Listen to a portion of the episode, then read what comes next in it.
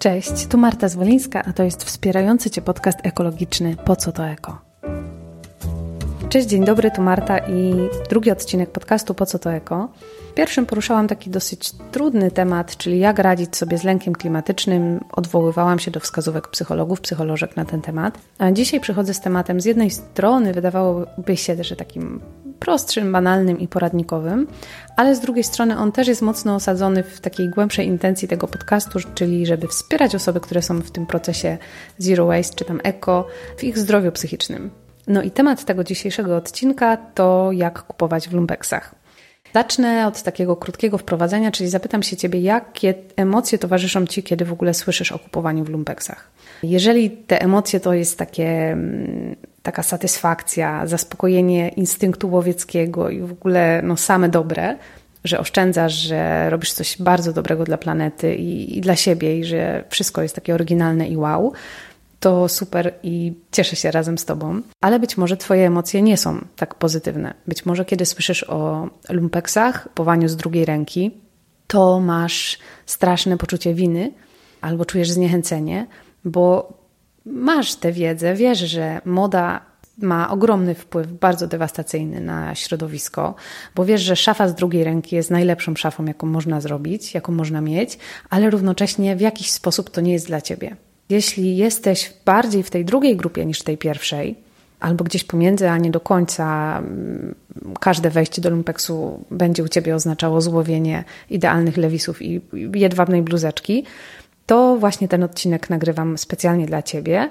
Chcę przedstawić Ci siedem takich wskazówek, które być może pomogą Ci właśnie rozpocząć przygodę z lumpeksowym łowieniem rzeczy. Dodam jeszcze, że skupiam się na lumpeksach stacjonarnych, dlatego że te takie online'owe z super selekcją, perełki vintage i tak dalej, wielkich problemów chyba, żeby w nich kupować nie ma. Ewentualnie dopytać o konkretne rozmiary i zmierzyć się, zanim coś się kupi.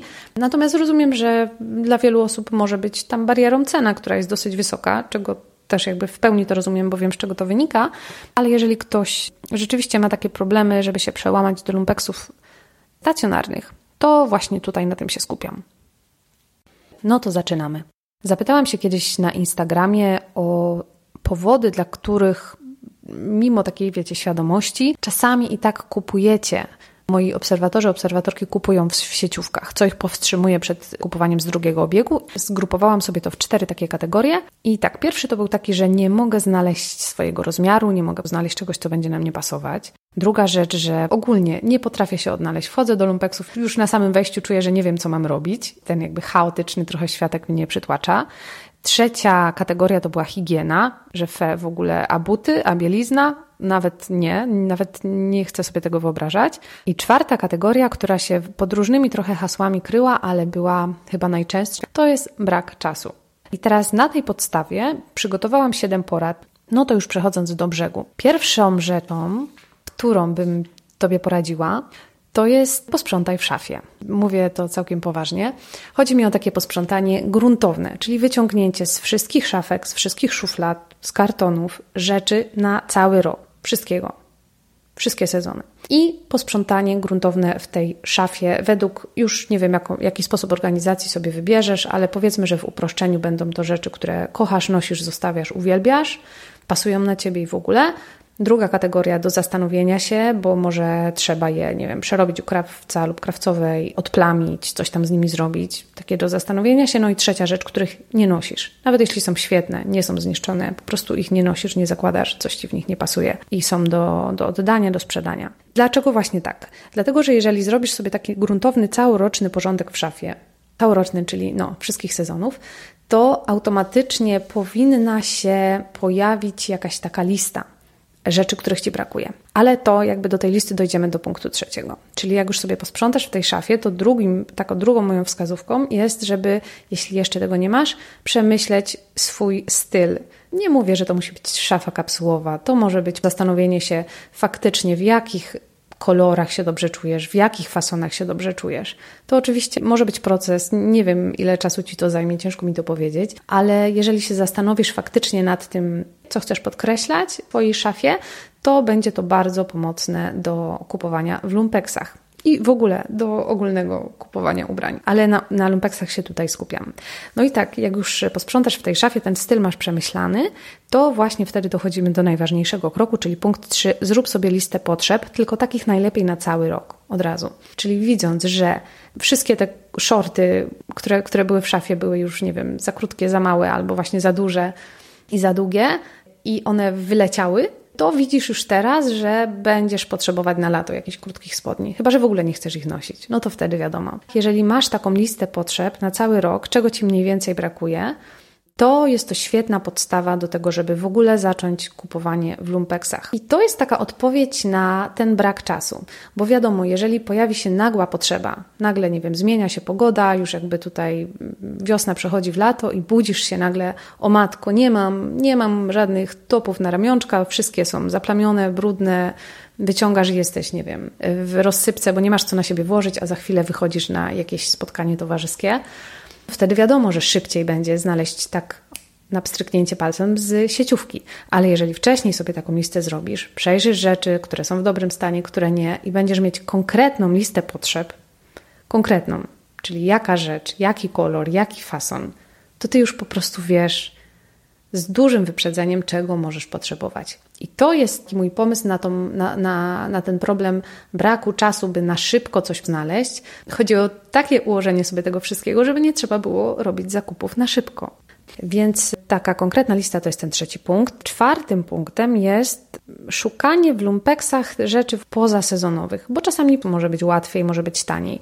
Może się okazać, że w danym sklepie rzeczy są też tylko takie sezonowe wystawione, ale niekoniecznie. Naprawdę bywa różnie. Jeśli ty już wiesz, że będziesz potrzebować płaszcza na lato, przepraszam, płaszcza na zimę, możesz się za nim rozglądać. Punktem piątym, który jest dosyć istotny, to jest znaleźć swoje w ogóle miejsca. I to nie jest takie może proste, nie ukrywam, ale jeżeli już znajdziesz swoje miejsca, do których chcesz chodzić, ich nie musi być dużo, może to będą dwa, trzy, cztery, może nawet jeden lumpex, to będzie Ci po prostu łatwiej. Na czym ma polegać to szukanie? Mam takie doświadczenie, a mam w lumpeksach doświadczenie lat ponad 20, ubieram się, że warto porozmawiać ze sprzedawcą, czy też sprzedawczynią. Naprawdę warto.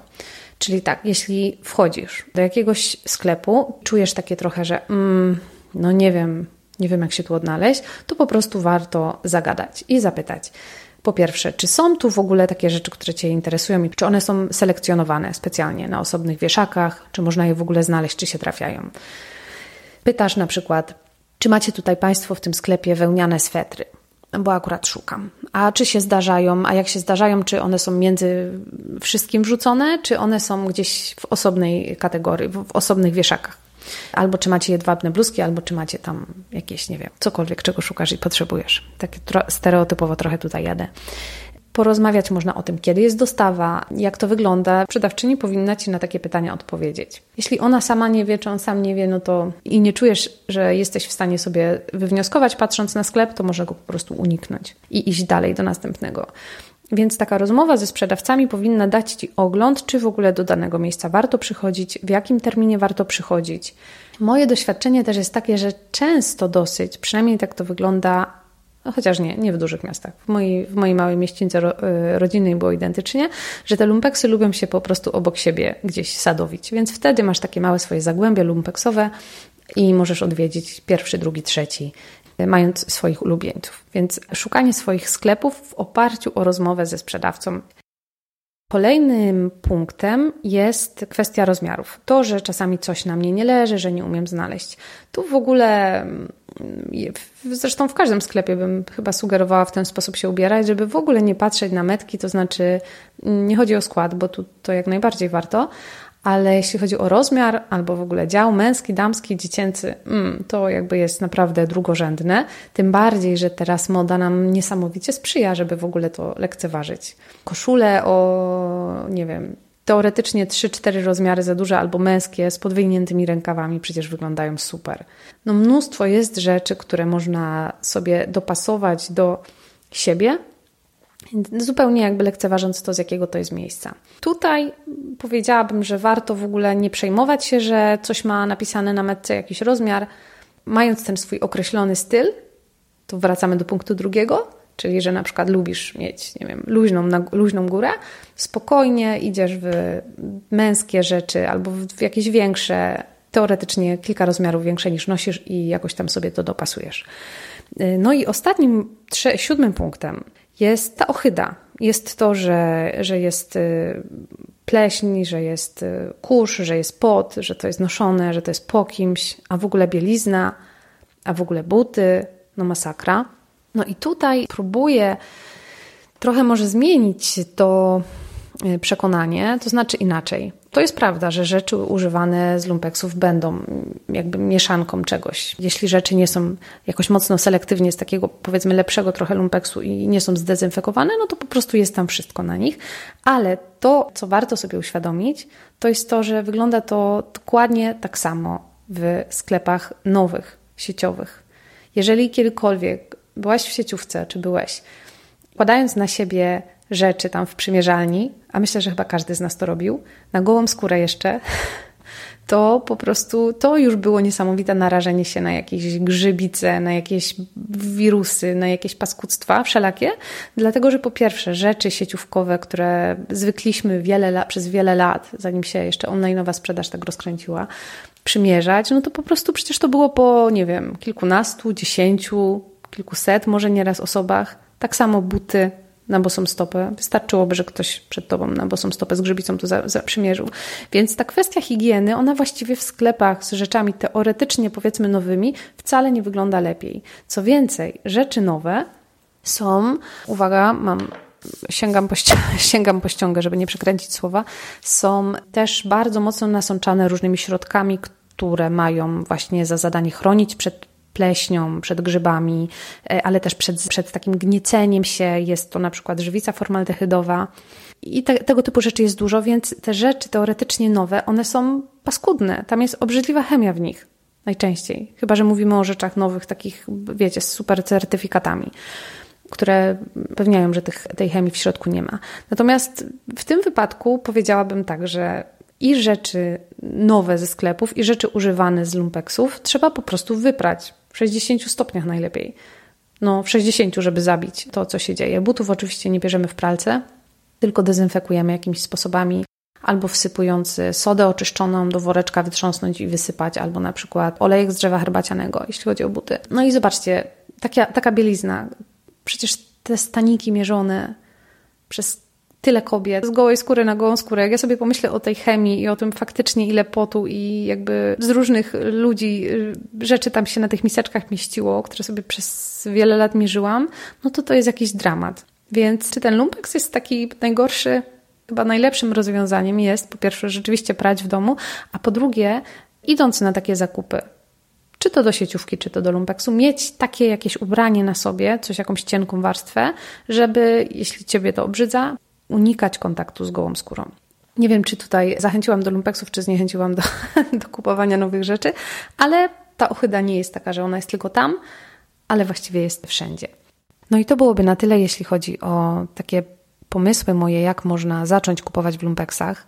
O tym, dlaczego warto, bardzo dużo i rozlegle pisałam na Instagramie Marta Podkreślnik po co to eko, ale i też na blogu po co to eko.pl, więc odsyłam Was do wielu, wielu treści na ten temat. Być może sobie kiedyś też to nagram, jeśli będziecie mieli taką chęć, to dajcie znać.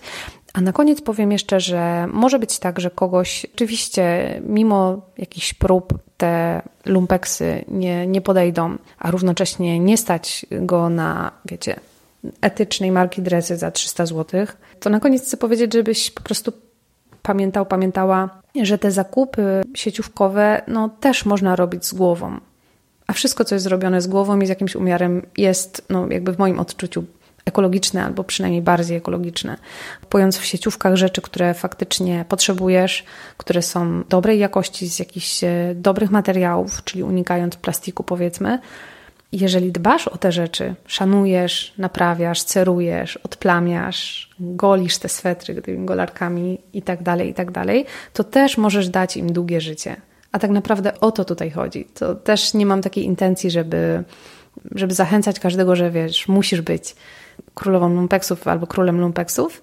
bo dając długie życie swoim ubraniom, z jakiegokolwiek źródła by one nie były, to i tak robisz już coś dobrego. I tym, mam nadzieję, pozytywnym akcentem kończę ten drugi odcinek. Na koniec mam taką małą prośbę, jeżeli jesteś tu ze mną, jeżeli słuchasz i podoba Ci się to, to proszę Cię, żebyś e, zostaw mi subskrypcję na tych aplikacjach, z których korzystasz, bo to jest dla mnie informacja wtedy, że chcesz więcej i też łatwiej będzie mi pewnie dotrzeć do większej liczby słuchaczy. Dziękuję Ci bardzo, do usłyszenia.